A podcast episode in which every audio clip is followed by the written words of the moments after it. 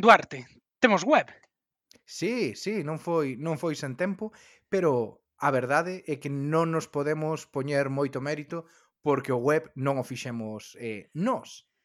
Pois non, fixo Ifrit, un dos nosos eh, socios que voluntariamente se ofreceu para, para axudarnos con isto. Así que, bueno, agora temos un web con todos os contidos centralizados ali. Podedes escoitar os nosos podcasts, mesmo os en gotas, aqueles que se xa de suscriptores. Podedes eh, facervos eh, suscriptores do noso newsletter, podedes facervos socios para acceder ao contido exclusivo. Unha maravilla. Uh -huh. E, bueno, ainda non dimos o enderezo, así que eh, etecongotas.com non lle puxamos Previsible. Aí Claro, moi previsible, pero bueno, en este caso é importante, tecongotas.com e eh, como di Miguel, aí tedes todo o noso traballo eh, centralizado. Pois sí. Bueno, pois hoxe de que imos falar, Duarte? Coronavirus, non? Toca outra vez. Pois sí, hoxe imos falar un poquinho do coronavirus na primeira parte, tendo en conta que agora xa estamos na desescalada, pero quedadevos ata a segunda, porque temos unha entrevista eh, moi interesante cunha eh, escenógrafa, unha escenógrafa de teatro que leva moitos anos traballando no Reino Unido e que a verdade é que ten un currículum bastante impresionante. E para os que prestedes atención aos detalles, eh, xa vos quedaríades no pasado que ás veces escoitan sereas de ambulancias, de coches da policía, desde o noso estudio en Streatham. Bueno, hoxe probablemente tamén escoitedes o ruido de trens, porque en fronte da casa do meu, da, do meu irmán en Peterborough están as vías do tren, e hoxe non sei por que a esta hora están pasando moitos trens. Así que se escoitades ruido ruidos raros, é iso. Deben de ser todas as mascarillas entrando no Reino Unido, dentro intro. think about Brexit. What, what's that? Like? Order! The nose to the left, 432. With the light, with the music. Very welcome everybody here. A Brexit question in English, if you don't mind. Bueno, no, hombre, no lo vamos a hacer. Venga, adelante. Quiere usted hacer el puñetero favor de largarse de aquí y de... No va usted a hacer nada ya. Would you like a cup of tea? Yeah, sure. Go on, have a cup of tea. Thank you, thank you. No con Gotas desta semana imos falar, aínda que só sexa un pouquichiño, do coronavirus. E por que imos falar do coronavirus? Porque o igual que está pasando en Galicia e en outras partes do Estado, o Reino Unido está entrando nas súas fases de des desescalamento, de volta á nova normalidade, como tamén tamén lle din aquí. Pero xa dá a sensación de que se está facendo dun xeito un pouquiño caótico, polo menos a nivel comunicativo. E como Miguel, ti máis eu, pois, de comunicación, pois algún interese temos, pois son destas cousas nas que, nas que nos fixamos. Ao longo da semana pasada houve toda unha serie de, de filtracións, ese parte do goberno, de en que ia consistir esta nova normalidade, todos os medios parece que tiñan acceso pois a directrices e guías que iba a publicar eh, o goberno, e, eh, pero a fin de contas estábamos todos pendentes da rolda de prensa, da comunicación que Boris iba a ter con toda a cidadanía británica este, este, este pasado domingo. Pero deu unha sensación, non sei como viviches ti, Miguel, de que tamén esa rolda de prensa foi un chisquiño caótica. Sí, bueno, eu, para comezar, cando acabei a rolda de prensa, saquei unhas conclusións que ao día seguinte lendo a prensa eran todo o contrario, cando xa se tiña mm. o documento oficial con todos con todos os detalles. Eh, si, sí, a verdade é que eu non entendo quen deseñou quen deseñou toda esta estrategia de comunicación durante esta semana, porque eu creo que se crearon unhas expectativas no, no público que ao final Boris non cumpliu, Boris na rolda de prensa non dixo grande cousa, máis alá de que non era momento aínda de levantar o confinamento como estaba acontecendo noutros países de Europa, e condicionando todo a que se cumplisen certos requisitos. Era todo if, if, if.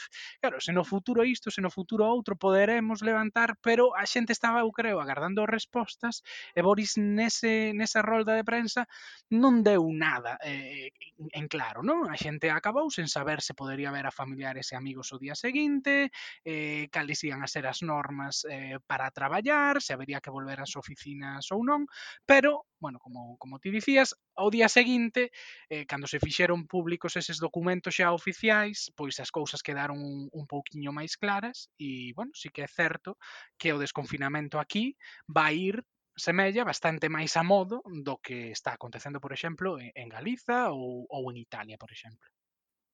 Sí, pero bueno, a min tamén xa me chamou a atención o feito de que logo da rolda de prensa de Boris aínda non estivese disponible o documento coas directrices, non? Que, claro. que o goberno impulsa, que temos que agardar ao día seguinte a que Boris comparecese no Parlamento e despois foi cando se fixo público este documento. Iso crea tamén bastante bastante incerti, incertidume. E máis, despois da rolda de prensa, unha das cousas máis interesantes pois desta nova fase, que é o feito de poder bueno, quedar con xente fora e tal, iso non se dixo na rolda de prensa, pero dixo, dixo, dixoselles aos xornalistas que que estaban cubrindo. Iso non ten, non ten sentido non ten sentido ningún, polo menos a min, bueno, non me pareceu o mellor xeito de comunicar isto.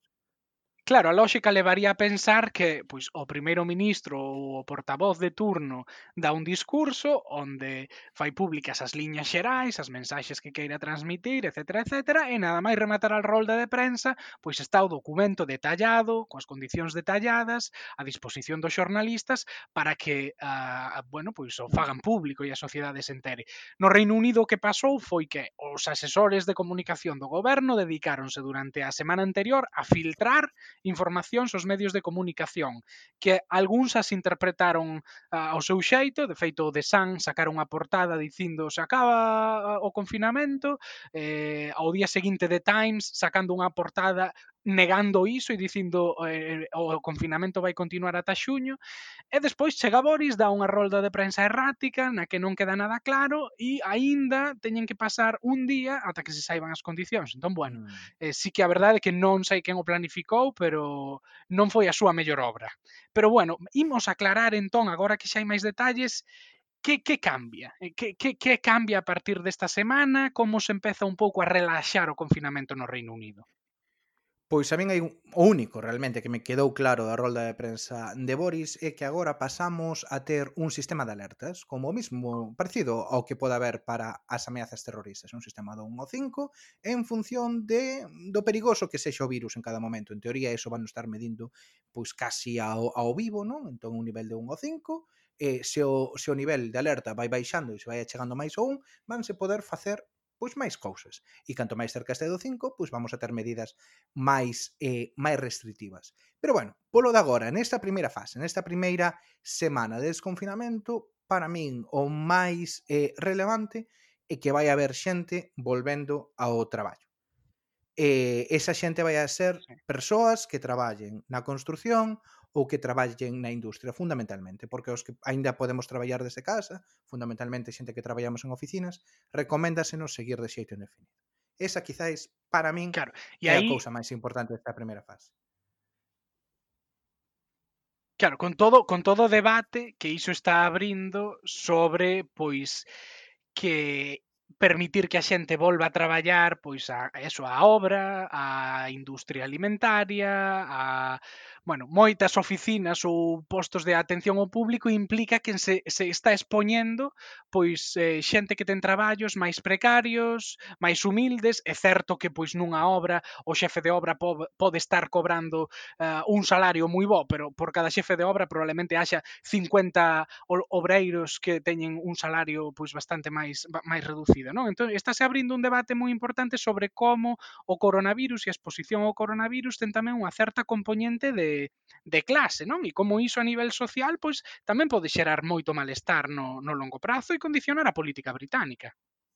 Hmm, completamente, eu teño unha das cousas que máis, coas que máis curiosidade teño sobre cal vai ser a situación post-coronavirus é a respecto da política de clase que nos últimos anos con, bueno, con, fundamentalmente con Jeremy Corbyn na, eh, no Partido Laborista e agora con Boris Johnson tamén nos conservadores, pois foi tomando máis preponderancia e eu teño moita curiosidade por ver como, como isto evolúe e se comeza a haber un proceso, digamos, de redignificación do mundo do traballo que é algo no, que xa cubrimos nun podcast anterior cando falábamos de, de inmigración.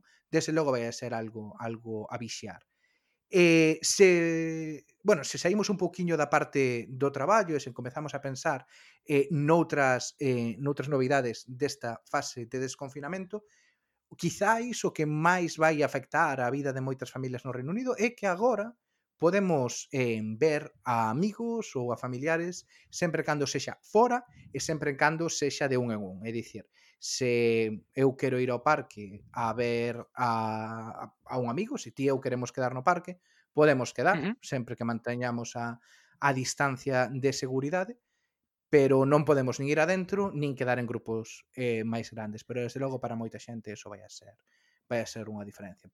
Pensemos en parellas, pensemos é dicir en familias. Que... Xente que está claro. sola. Pero, por exemplo, se ti e máis eu quixéramos volver, voltar a gravar os Te con Gotas eh, no noso estudio eh, de Streatham, é dicir, no teu salón, pois non poderíamos facelo, non? Non, eso, eso non. De momento, polo menos nesta primeira fase, eh, eso aínda non se, non se vai aplicar. Pero eh, unha cousa que sí que podemos facer é ir a correr. Que ata, ate o de agora, pois todo o mundo pois sí que podía facer, se ir a, a facer deporte con xente coa que, coa que vivises unha vez unha vez ao día. Eh, era algo co que axe, cando, cando en Galicia tamén estaban confinados víannos pois, cunha certa envexa porque polo menos podíamos sair, sair unha vez ao día dar un paseo polo barrio ou a un parque ou a correr. E, e agora pois non hai límite, podemos sair todas as veces eh, que queiramos, sempre que sexa a pasear, sempre que sexa a correr, ou incluso agora pois está permitindo pois ir simplemente a tomar o sol eh, nun parque, esa tamén vai a ser unha diferencia unha diferencia importante. Polo menos en Inglaterra, non? Sí, e, bueno, e non hai límite temporal nin tampouco xeográfico, porque ata agora en Inglaterra recomendábase facer deporte pre preto da casa, agora xa se permiten os, os desplazamentos longos, é dicir, que nunha fin de semana se queres coller o teu, o teu coche particular e ir a, pois, a unha zona destas reservas naturais que hai no centro de Inglaterra, desde Londres ou desde calquera outro punto do país, poderías ir ali. E iso eu teño curiosidade por ver que acontece esta fin de semana, porque nas primeiras semanas do, bueno, do, do cando o coronavirus comezou a ser noticia e a xente intentaba escapar un pouco de, de Londres e das grandes cidades, había moita polémica en vilas pequenas, máis costeiras, máis rurais, porque houbera unha invasión de xente de xente da cidade que iba ali pasar a fin de semana ou que ia ali mesmo a súas segundas residencias. E claro, como tamén aconteceu en Galiza con toda esta xente que viña de Madrid a, as Rías Baixas ali escapando do coronavirus, pois xerou ah, uh, moi, moita animadversión e, e, e moito rexeitamento por parte da xente que vivía nesas zonas máis rurais. Entón, veremos que, que o que acontece esta fin de semana, pero en Inglaterra agora iso xa se pode facer. Pero sí, como ti dicías, isto só en Inglaterra, porque no Reino Unido eh, os catro gobernos nacionais, o de Gales, o de Escocia, o de Irlanda do Norte E o de Londres, que é para todo o Reino Unido, pero mm. na, en cuestión de coronavirus a efectos prácticos e Inglaterra, pois están traballando de forma coordinada, pero cada goberno nacional ca súa independencia, por así dicilo. Non? E en Gales, por exemplo, vaise permitir sair a facer deporte todo o día, sen límite de tempo, pero non se pode eh, ir a grandes distancias. Non te podes ir desde Cardiff ata a costa de Pembrokeshire no teu coche, porque está moi lonxe. Tes que quedar preto mm. da túa, da túa casa. E iso é algo pois que decidiu o, o goberno galés e que é un criterio diferente do, do goberno de Londres e hai máis exemplos. Claro, é moi interesante ver non que aquí a xestión do coronavirus está, bueno, non igual non completamente, pero está moi moi descentralizada. Xa ao principio, cando comezou a, o coronavirus a ser un problema, empece, houbo algunhas diferencias entre, por exemplo, Escocia e, e Inglaterra. Escocia foi o primeiro a primeira nación do Reino Unido que proibiu os, os encontros de, de, que eran de máis de 500 persoas, non? Iso puxo sí, bastante presión sí. no, no goberno no goberno de Londres. Non ao principio houve certa certas disparidades. Despois, a medida que o goberno de Boris pois cambiou a estrategia, empezou a apostar por medidas máis duras, xa houbo, digamos, armonía entre os catro entre os catro gobernos, pero agora aí comeza a haber certa certa diverxencia.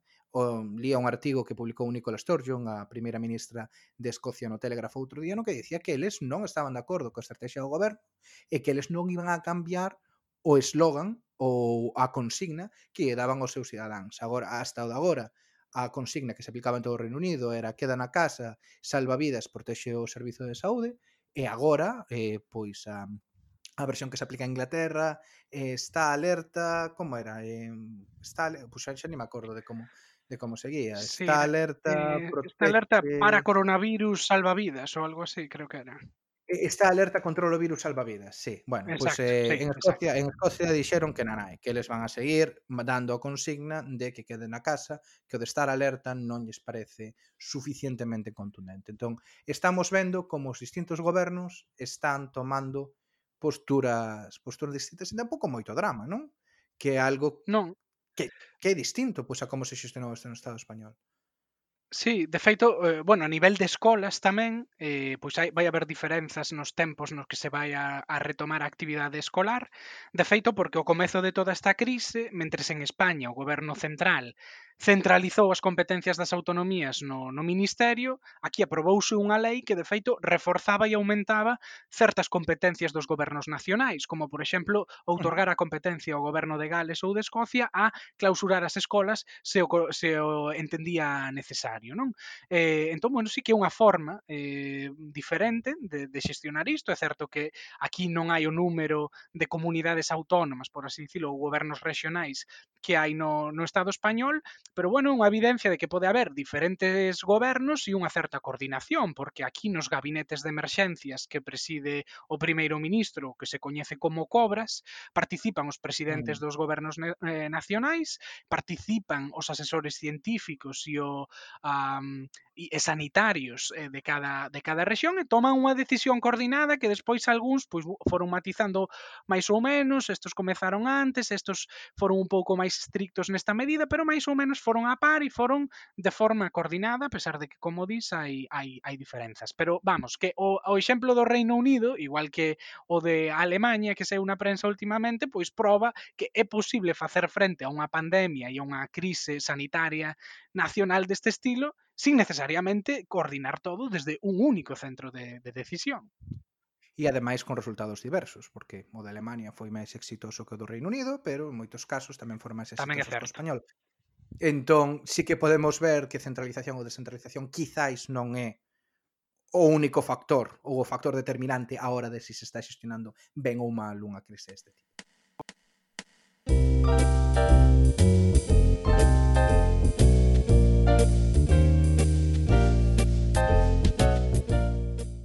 Ben, pois agora imos deixar un pouquiño de lado a actualidade do Reino Unido e imos falar de arte. E imos facelo a través da vida e da experiencia profesional aquí no Reino Unido de Ana Inés Javar Espita, que é unha escenógrafa e deseñadora de vestuario da Coruña que leva xa anos traballando no, no Reino Unido.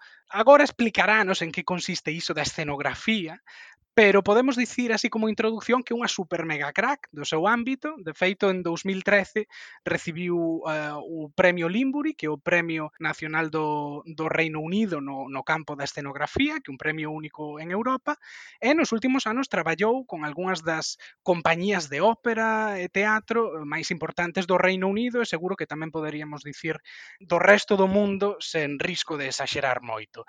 Uh, Ana Inés, que tal? Hola, Bueno, a, así como primeira pregunta, imagino que a xente que nos estea escoitando que non estea moi familiarizada co mundo das artes se preguntará que é iso da escenografía. Podes nos contar en que consiste o traballo de ser escenógrafa? Eh, ser escenógrafa consiste en, en contar historias e apoialo dunha forma visual, eh, en diseñar espacio, espazos xa sea nun teatro ou nunha sala de, de exposición, se crear unha narrativa a través do espacio. E como é o proceso de deseño de, eh, bueno, pues dese tipo de escenarios ou dunha exposición? Entendo que haberá un, unhas fases, ou unhas rutinas que terás ti a nivel a nivel persoal, non? Sí, eh, xeralmente dame o guión eh, ou, ou a proposta e de aí empezo unha serie de, de investigación Eh, o meu traballo é de natureza co colaborativa, entón tamén hai moitas conversacións co, co, co director especialmente para crear un mundo. Eh, gústame moito usar plataformas tipo Pinterest e Dropbox para crear un, eh, coleccións de imaxes, eh, ir a exposicións, ver películas, todo iso é parte da, da biblioteca que vou creando na miña cabeza e tamén eh, físicamente para logo sacar e asociar ideas.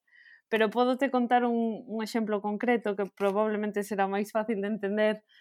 Eh, por, por exemplo, unha obra que chamábase Leilanco, que, que estrenouse no Royal Court en 2015.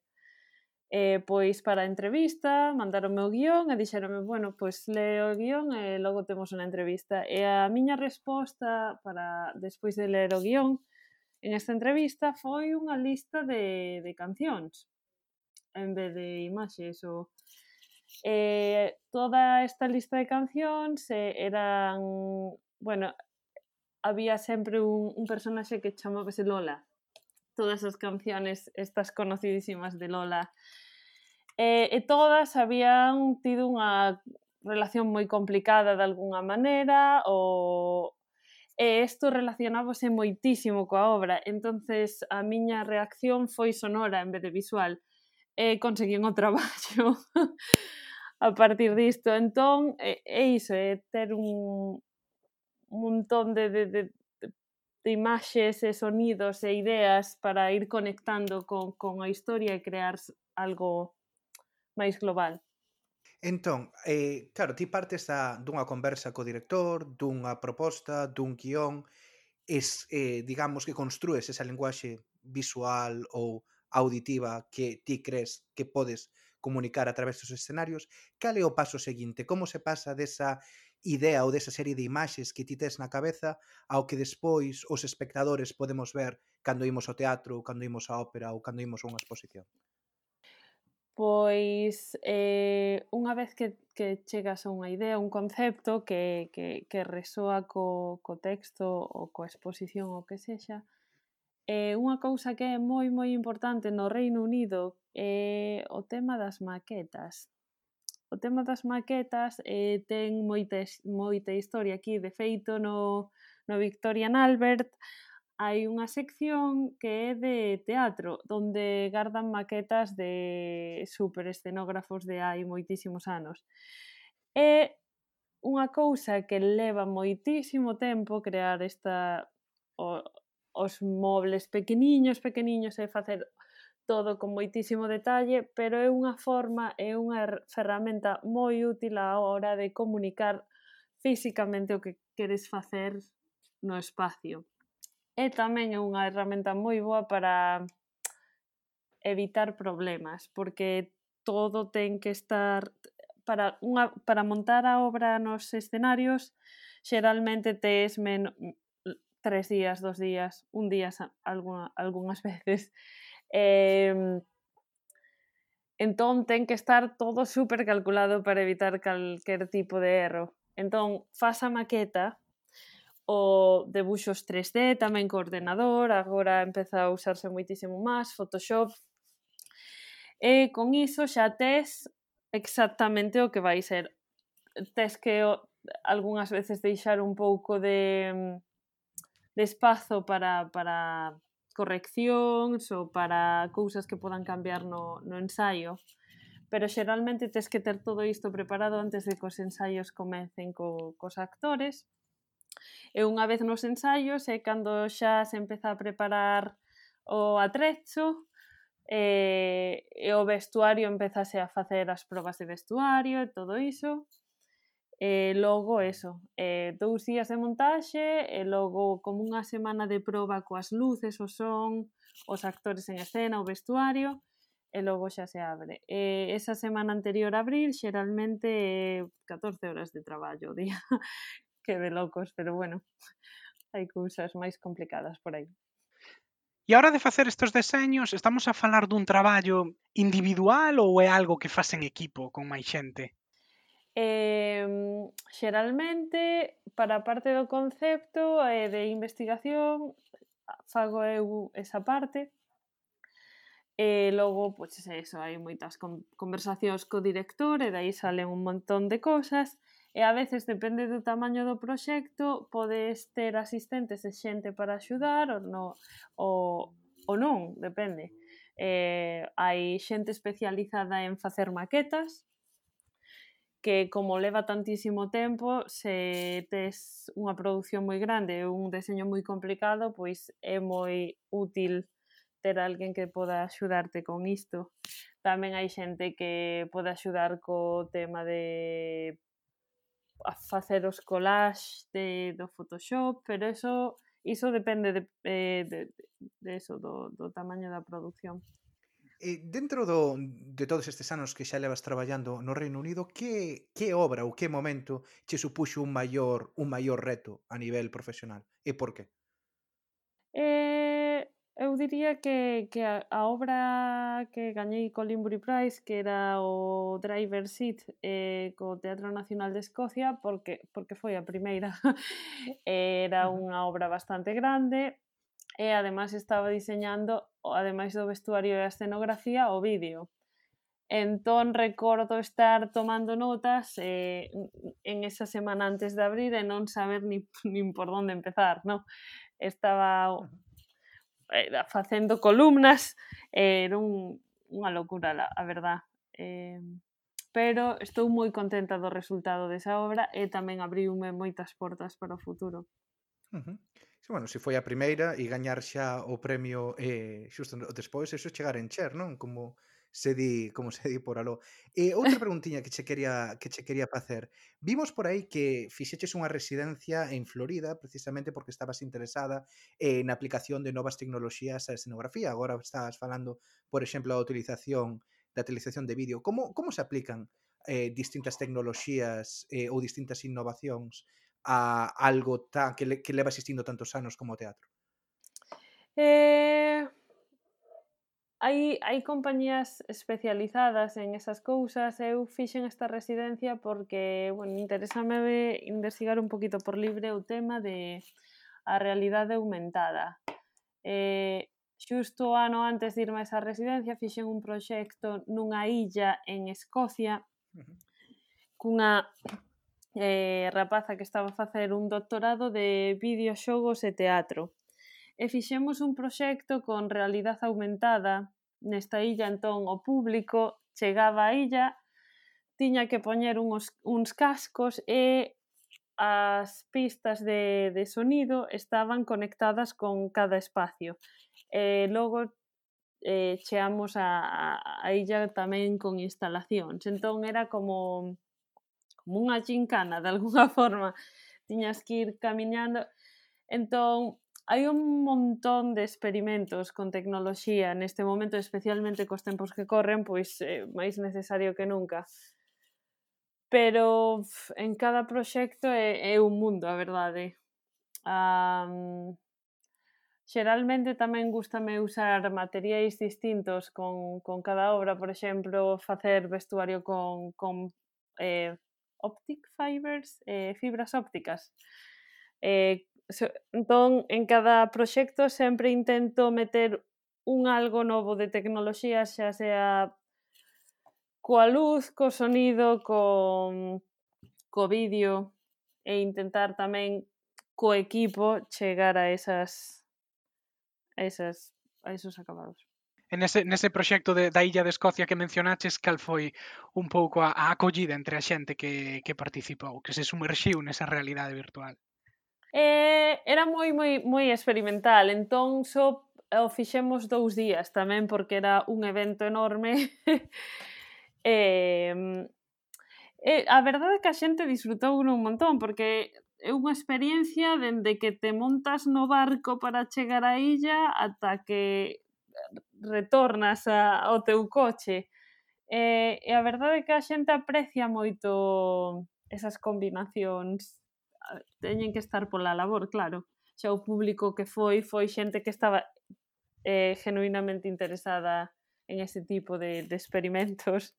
Pero moi guai. Xa. E xa falando máis desde o punto de vista eh, comercial ou desde a industria, por así dicilo, como funciona ese mercado da, da escenografía? No teu caso en concreto, tes como unha serie de un abano de compañías de ópera ou teatro coas que traballas habitualmente ou funciona máis isto do, do networking, uh, de ter así contactos máis esporádicos ou como, como funciona ese mundo? Pois a verdade é que depende. Eh, xeralmente a relación entre director e diseñador é como un matrimonio.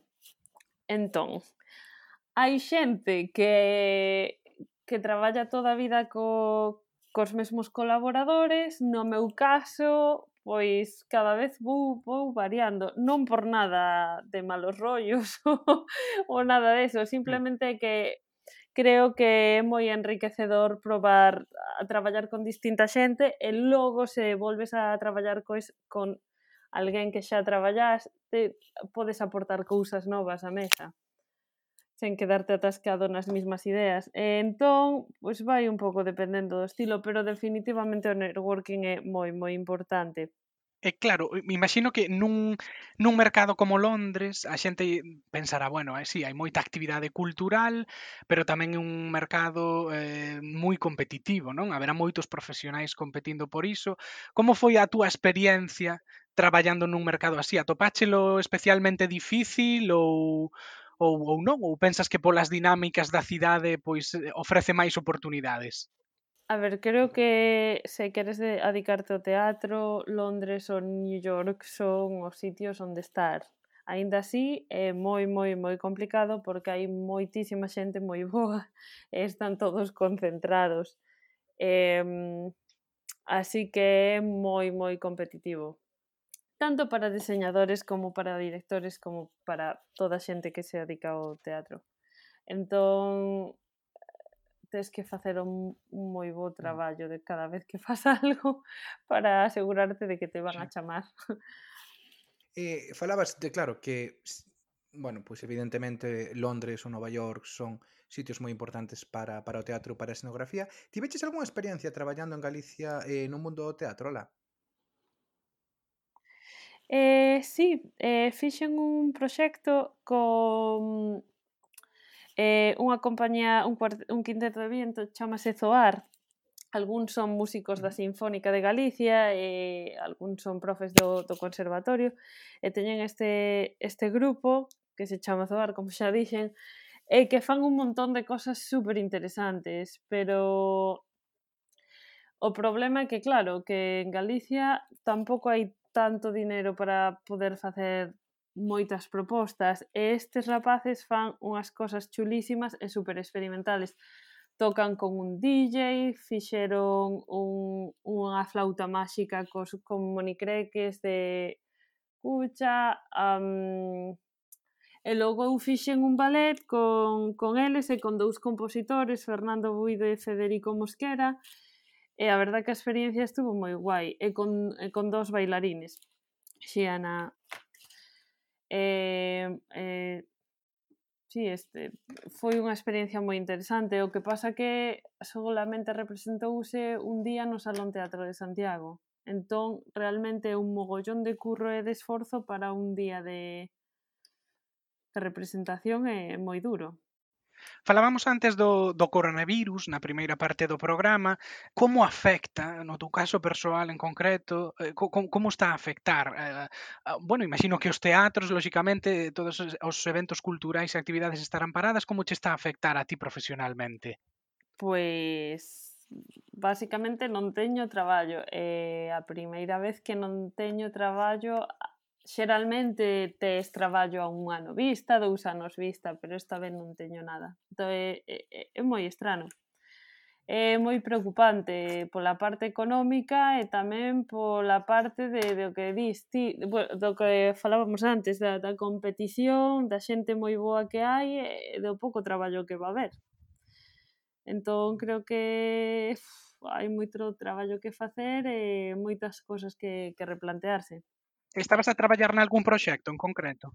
Sí, estaba a traballar coa Royal Shakespeare Company, que era un dream job, que era un traballo pff, eh, maravilloso con, traballar con, con esa compañía que unha das máis importantes a nivel mundial eh, coa mm, Ópera Nacional Inglesa eh, está todo suspendido Eh, bueno, eh, xa para pechar, eh, aquí no Te con Gotas sempre facemos eh, un, unha especie de unha especie de xogo no cal eh, te poñemos a ti eh, pois nunha posición de poder, digamos, en, en Galicia con medios ilimitados eh, e pedimosche que cambies algo ou que leves algo do que ti aprendiches na túa profesión e do que ti aprendiches no mundo do teatro e da escenografía que cambiarías en Galicia para que houvese ou haxa maiores oportunidades ou funciona de xeito millor eh, este, este sector no que traballes. Antes falabas do, do financiamento, do diñeiro. De, de, basado na túa experiencia, que cambiarías? Pois eu creo que, que sería importante educar o público deste cativo, o sea, saber apreciar arte, teatro e, e así poder crear unha nova xeración de xente que,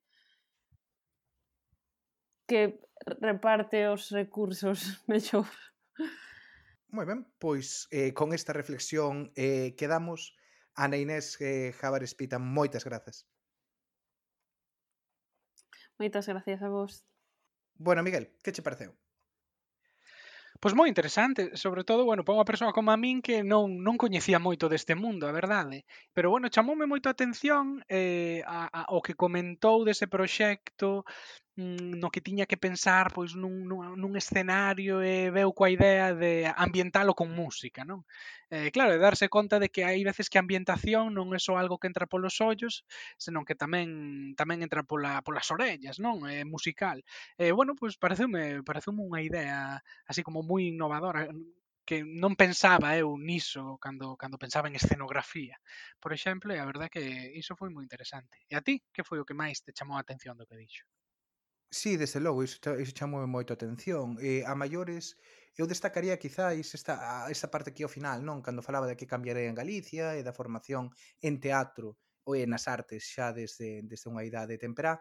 E isto lembrame un poquinho pois a, a, a cando eu era neno en Narón, non? Narón pois ten unha programación ou sempre tivo unha, unha programación teatral moi estable eh, e aos rapaces nas escolas levábanos con moita frecuencia pois a ver distintas obras de eh, de teatro. Entón, bueno, tampouco teño os atos na man, pero sí que eh, penso que iso serviu pois para consolidar, neste caso en, en Narón, un, un público eh, leal á, á oferta teatral que hai que hai na cidade. Entón, bueno, sí que me le, fíxeme reflexionar un poquiño, non, sobre o que o que se facía lá e o que e o que tiñamos nun sitio pois como como Narón que tampouco unha das das grandes cidades de eh, de Galicia. Pero bueno. Xa. Sí, eu no, no meu caso da Coruña eh, Eu sí que teño a lembranza de que na escola tamén hai moita actividade cultural, non? Hai moito moito pazo de, de congresos, teatros, e eu teño a lembranza de que nos levaban a moitos ensaios de ópera, de música clásica, de concertos de música clásica e tamén de teatro, pero no meu caso persoal teño que dicir que non sei por que nunca prendeu aí o mm, a chama do teatro, a pesar de que hai moi boa actividade e de que, bueno, na miña familia, a miña tía sempre foi así moi moi fan de ir ali ao Teatro Rosalía todas as semanas cando había algunha actuación, eh, pero bueno, sí, sí que é certo que é algo que teño aí no meu debe, eh, pero a, de, desde logo na escola non lembro tampouco que se nos que se promocionase moito, máis alá de, de cando en vez levarnos ali a ver algunha obra ou algún ensaio de algo, pero sin, sin afondar moito máis. O mellor se nos chegan a ter pois feito reflexionar algo máis, forzado a prestar atención á obra para despois pois facer algún traballo sobre ela, o mellor prestaba máis atención aos detalles, pero bueno, sendo neno soltan ali nun auditorio e estás mm. papando moscas pa, pa outras cousas, non? Pero mm. pero bueno, sí. Bueno, pois pues quizá, quizáis temos que facer un té con un té con gotas vai ao teatro eh, no West End unha vez que remate remate esta, esta movida do coronavirus. Ben, pois ata aquí o noso podcast de hoxe. Xa sabedes que nos podedes seguir en, en redes sociais, en Twitter, en Facebook e desde hai unhas semanas tamén no Instagram. E xa sabedes que agora temos novo web, Así que visitadio e vede un pouco pois, o que temos aí, que basicamente pois, son todos os contidos centralizados. Tamén está aí o noso newsletter, ao que vos pode, podedes suscribir agora a, a través do web, e tamén a través do web vos poderedes facer socios para acceder a todos os contidos exclusivos que temos nos nosos tesengotas a través de Patreon. Xa sabedes que temos catro modalidades de, de suscripción de 2,5 dólares até 10 dólares mensuais. Así que nada, hasta la próxima semana.